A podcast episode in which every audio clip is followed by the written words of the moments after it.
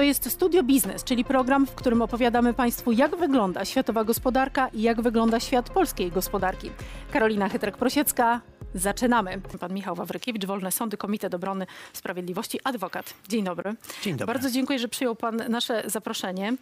E, A punktem wyjścia tego zaproszenia był, drodzy Państwo, ten raport. On jest póki co dostępny po angielsku głównie, ale będzie także po polsku.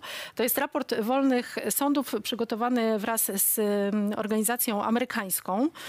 E, No właśnie który pokazuje nam, że biznes nie może liczyć na praworządność w Polsce. I mówię o tym paradoksie, bo z jednej strony mówimy, że gospodarka ciągnie całkiem nieźle, inwestycje są, a jednocześnie ja przeczytałam cały ten raport, wnioski są druzgocące. No, m, powinniśmy sobie odpowiedzieć na pytanie, czy chcemy żyć w państwie, w którym e, gospodarka jest konkurencyjna, wolna, e, transparentna, czy chcemy żyć w państwie, w którym gospodarka jest związana z reżimem, e, czyli z władzą wykonawczą, tak jak w Chinach, w Turcji, czy już na Węgrzech. To jest bardzo ostre porównanie. Tak, ale ono jest całkowicie e, uzasadnione i uprawnione w świetle tego, e, co, czym my się zajmujemy przez ostatnie 7 lat tej destrukcji wymiaru sprawiedliwości. W świetle tych m, wyników raportu, m, który przygotowaliśmy z American Bar Association. Ja przypomnę, że jest to największa na świecie organizacja prawnicza. E, I chodzi po prostu o to, że jeżeli ktokolwiek, kto prowadzi biznes, czy jest to mały przedsiębiorca, mikroprzedsiębiorca, czy jest to wielka korporacja, i jeśli w pewnym momencie napotyka na spór ze skarbem państwa, z urzędem skarbowym, z e, urzędem, który wydaje koncesję, zezwolenia, czy też e, z kimkolwiek z kręgu władzy, no to ten spór musi zostać rozstrzygnięty w sądzie. Jeśli idziemy do sądu i mamy spór z władzą, to chcielibyśmy, żeby ten sąd był niezależny od tej władzy. Chcielibyśmy, żeby był po prostu e, niezawisły i bezstronny, żeby wydał w naszej sprawie sprawiedliwe rozstrzygnięcie. A w Polsce niestety już systemowo nie możemy liczyć na e, niezależne sądownictwo. No właśnie, bo y, to, że system jest generalnie ocenia, oceniany źle, to wiemy, nawet z takich codziennych doniesień, ale chyba najbardziej w tym raporcie zaskoczyło mnie to, że 75% respondentów, przepraszam, że tak powoli, ale z angielskiego tłumaczę, wskazało, że nie czują, żeby ich inwestycje były chronione przez prawo w Polsce. I teraz zastanawiam się, dlaczego? Skoro niedawno nawet pan premier wraz z ambasadorem amerykańskim przedstawiali wartą miliard złotych inwestycję Microsoftu w Polsce.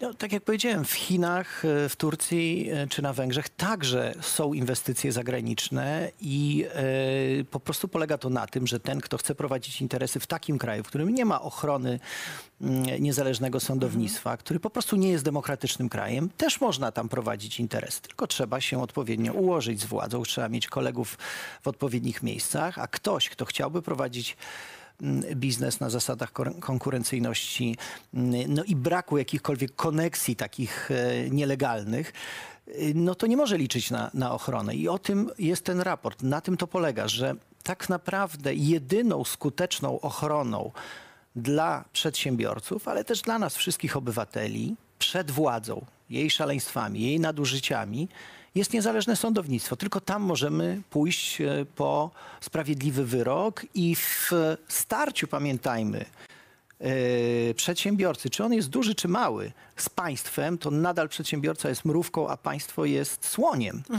bo dysponuje nieograniczoną siłą, e, nieograniczonymi funduszami, no i ma powiązania z urzędami, które właśnie wydają koncesje, A które jest- mogą nałożyć podatki. Jest pan w stanie wskazać takie przykłady, konkretne takie case study, czyli mm, przykłady takich spraw, gdzie rzeczywiście biznes w starciu z państwem przegrał z tych powodów, o których pan mówi? Tak, tutaj, tutaj pokazujemy dwie sprawy y, takie dosyć słynne, które zakończyły się wyrokami Europejskiego Trybunału Praw Człowieka w Strasburgu.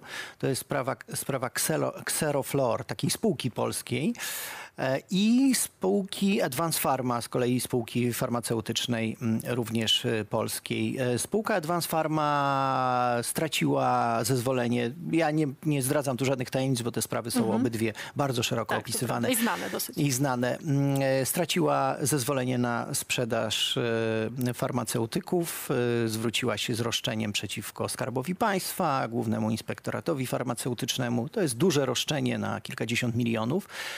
I dotarła ze swoją sprawą poprzez pierwszą, drugą instancję w końcu do Sądu Najwyższego, do Izby Cywilnej. I tam dostała trzech tak zwanych neosędziów. Tak, w dużym skrócie neosędziowie to są ci, mm, którzy zostali powołani na stanowiska sędziowskie czy awansowani na stanowiska sędziowskie z udziałem tej upolitycznionej nowej Krajowej Rady Sądownictwa. A zatem nie mają takiego prawidłowego statusu sędziowskiego. I ci trzej neosędziowie, pan Zaradkiewicz, pan Szanciło i pani Misztal-Konecka dokładnie, w takim składzie ten Sąd Najwyższy mm, orzekał, e, oddalili skargę kasacyjną spółki Advance Pharma.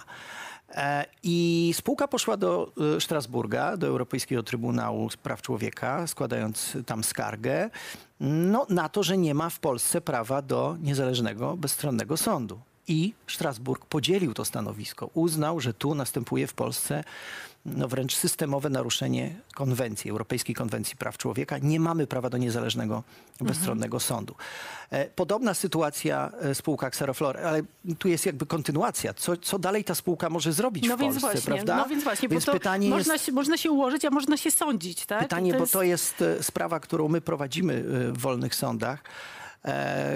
Pytanie jest, panie mecenasie, panie mecenas, co my możemy zrobić w tej sytuacji? E, Odpowiedź jest, możemy pójść, pójść ponownie do Sądu Najwyższego, wnosić o wznowienie tego postępowania, ale zaręczam, że znowu dostaniemy neosędziego, dlatego że na czele Sądu Najwyższego stoi pani Małgorzata Manowska, która jest neosędzią, która jest w tej samej procedurze powołana, więc chroni swoje interesy i swoich kolegów, koleżanek w Sądzie Najwyższym, a jest ich już w tej chwili powyżej 51% tych neosędziów w Sądzie Najwyższym. No i oczywiście ten scenariusz się powtarza. Znowu są wyznaczani neosędziowie, czyli nie ma szans wygrania sprawy. Jeśli mamy sprawę, która jest wrażliwa publicznie, politycznie, na której zależy władzy w jakikolwiek sposób, bo jest to sprawa e, czy tak jak powiedziałem, czy urzędu, czy jest to sprawa e, kogoś z kręgu władzy, kto prowadzi biznes i on ma koneksję i on e, poprosi, żeby tam odpowiednie naciski zostały wykonane, to tej sprawy nie wygramy. biznesowi to chyba nie przeszkadza, panie mecenasie. Zastanawiam się, czy to nie jest trochę tak, że... Proszę mnie źle nie zrozumieć, bo to będzie trochę pytanie, będąc adwokatem diabła, chciałoby się rzec. Czy trochę państwo nie wyolbrzymiają tego problemu? Bo takie sprawy pewnie zdarzają się w wielu krajach, prawda? Gdzie biznes w zderzeniu z państwem przegrywa. No nie, no ale to jest takie, to jest pytanie y, fundamentalne. Czy y, Europa Zachodnia, świat zachodni, e, Stany Zjednoczone to jest sądownictwo niezależne. Tam nie ma czegoś takiego, że z góry jesteśmy skazani na porażkę. E, Taka sytuacja, o której y, pani mówi, może mieć miejsce w krajach autokratycznych, stricte autokratycznych, gdzie nie ma niezależnego Pan sądownictwa. uważa, że gdzie w Polska Turcji na- jest... Pols- Polska krajem już w tej chwili jest krajem autokratycznym z pewnością. To nie jest demokracja. To nie jest demokracja, w której minister sprawiedliwości, rząd trzyma e, żelazną ręką e, sądownictwo i w którym no, nie możemy liczyć, bo ja powiedziałem o Sądzie Najwyższym, ale No właśnie, bo chciałam przejść do tego. Mam jeszcze sąd, Jeszcze bo państwo kilka. omawiają Trybunał Konstytucyjny, omawiają także skargę nadzwyczajną, prawda? y, skargę nadzwyczajną i Trybunał Konstytucyjny, bo pamiętajmy, że z kolei ustawy, które są uchwalane przez polski Sejm, przez zwykłą większość, nie mogą być w żaden sposób systemowo skontrolowane. Czyli może być wydana każda ustawa, która jest niekorzystna dla przedsiębiorców, która nakłada podatki, zabiera y, prawa, y, wolności y, gospodarcze. I przedsiębiorcy mówią, ale zaraz, zaraz, to jest niezgodne z konstytucją. No i co z tego? Nikt nie może tego skontrolować, dlatego że Trybunał Konstytucyjny jest pod całkowitą kontrolą. Już wiemy, że to nie jest żaden Tak. organ niezależny, który może skontrolować No konstytucyjność widzimy to ustaw. chociażby w kontekście KPO teraz i próby zebrania. Absolutnie. Natomiast mieliśmy, składu. mieliśmy taką sytuację w czasie pandemii, bardzo ciekawą, w której Trybunał y, był i jest zaangażowany. Mianowicie, jak Państwo pamiętacie, nie był y, wprowadzony stan nadzwyczajny w trakcie pandemii, a to oznacza, oznaczało, to z kolei podyktowane było celami politycznymi, bo rządzący chcieli jak najszybciej przeprowadzić wybory prezydenckie, nie wprowadzili stanu nadzwyczajnego, a w konsekwencji tego nie zostały uruchomione takie systemowe odszkodowania dla przedsiębiorców Tak, to za prawda. Restrykcje w trakcie pandemii. I co zrobili przedsiębiorcy? Skoro nie ma takich systemowych, y, mm, e, uproszczonych y, odszkodowań, to poszli do sądu o pełne odszkodowania, obejmujące również utracone korzyści. I co zrobił na to premier Morawiecki? Natychmiast powiedział, o nie, nie, tak nie może być. Złożył wniosek do Trybunału Konstytucyjnego Julii Przyłębskiej i powiedział, proszę o zbadanie, czy te rozporządzenia restrykcyjne, które ja wprowadzam jako Rada Ministrów, zabraniające prowadzenia działalności gospodarczej w trakcie pandemii, czy one są zgodne z konstytucją. I ta sprawa utknęła. Ona leży w Trybunale Konstytucyjnym i będzie tam leżeć, e, została odłożona ad calendas grecas. W związku z czym przedsiębiorcy utracili prawo do uzyskania odszkodowań w To, to, sądach. to jest realny wymiar oczywiście. Jak wygląda kwestia, bo Państwo analizują, tak jak mówię tutaj, różne e, procedury, skargi nadzwyczajnej. Dlaczego ona jest poruszana w kontekście tego raportu, który przygotowali Państwo razem z American Bar Association? Skarga nadzwyczajna to jest taki instrument, który został wprowadzony do polskiego systemu prawnego przez obecną władzę e, z końcem 2017 roku, kiedy były te, te słynne zmiany ustawy o Sądzie Najwyższym, ustawy o KRS i ustawy o sądach powszechnych. I to jest możliwość otworzenia na nowo każdej sprawy. Wyobraźcie ma taką sobie Państwo, taką możliwość ma e, przede wszystkim minister sprawiedliwości i Czyli prokurator minister Ziobro. generalny, czyli minister Ziobro. Może złożyć wniosek i to gdzie? Do specjalnej izby w Sądzie Najwyższym, E, To jest Izba Skargi Nadzwyczajnej Spraw Publicznych, czyli jest to izba całkowicie obsadzona przez ludzi powołanych przez e, nową Krajową Radę I Sądownictwa. jak to się przekłada na przedsiębiorców? No przekłada się tak, że jeżeli wygramy sprawę, albo już wygraliśmy w przeszłości, pięć lat temu sprawę wygraliśmy, ostatecznie, finalnie ten wyrok nawet został już wykonany, minister sprawiedliwości, jeśli weźmie nas na cel, weźmie takiego przedsiębiorcę, to może otworzyć sprawę na nowo, może złożyć skargę nadzwyczajną. Bez powiedzieć, że- przedawnienia? Bez przedawnienia. To działa 15 lat wstecz. W związku z czym i takie sytuacje już w stosunku do przeciwników politycznych się zdarzają. E, Taka skarga została złożona przeciwko Lechowi Wałęsie, taka skarga została złożona nie jedna już przeciwko sędziemu Waldemarowi Żurkowi, który jak wiemy aktywny jest.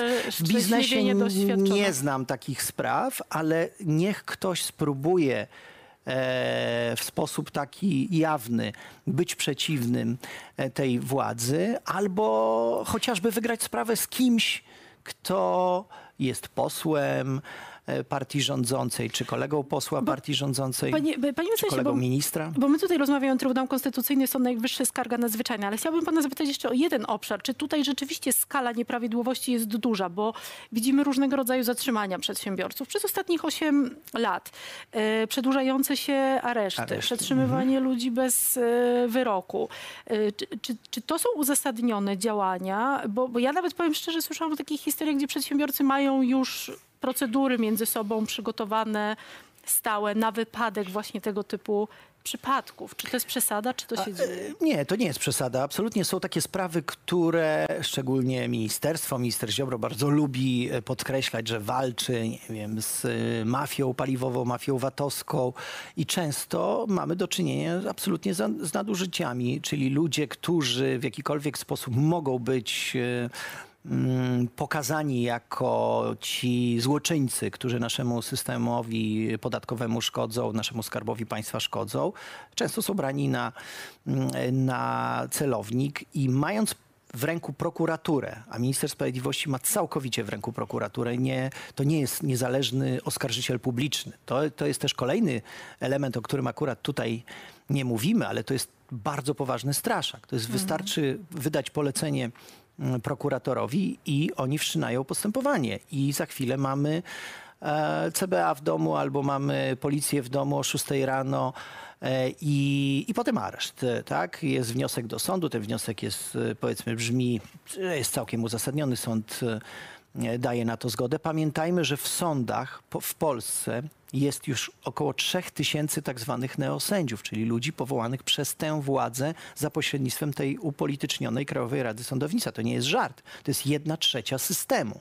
Więc w sądach w całej Polsce, mówię o powszechnych sądach, to już nie jest tylko Sąd Najwyższy czy Trybunał Konstytucyjny, to są sędziowie e, w sądzie rejonowym, w sądzie okręgowym, w sądzie apelacyjnym, e, którzy także wydają em, orzeczenia w sprawach e, aresztowych, a potem wyroki. Dużo dociera do Państwa tak już zupełnie na koniec takich spraw gospodarczych, gdzie przedsiębiorcy rzeczywiście mają problem w zderzeniu z tym systemem. Tak, są takie sprawy, które są wręcz ewidentne, gdzie na przykład e, przedsiębiorca jest osadzany w areszcie przez neosędziów, a potem wychodzi z tego aresztu, e, kiedy ma orzeczenie legalnie powołanych sędziów. Potem znowu wraca do tego aresztu, znowu na podstawie, e, na podstawie orzeczenia neosędziego. Czyli tu ewidentnie władza wykonawcza ma już ogromny wpływ na sądownictwo i to jest sytuacja absolutnie nieakceptowalna w demokratycznym państwie prawnym i przedsiębiorcy powinni e, o tym wiedzieć, powinni no po prostu brać to pod uwagę.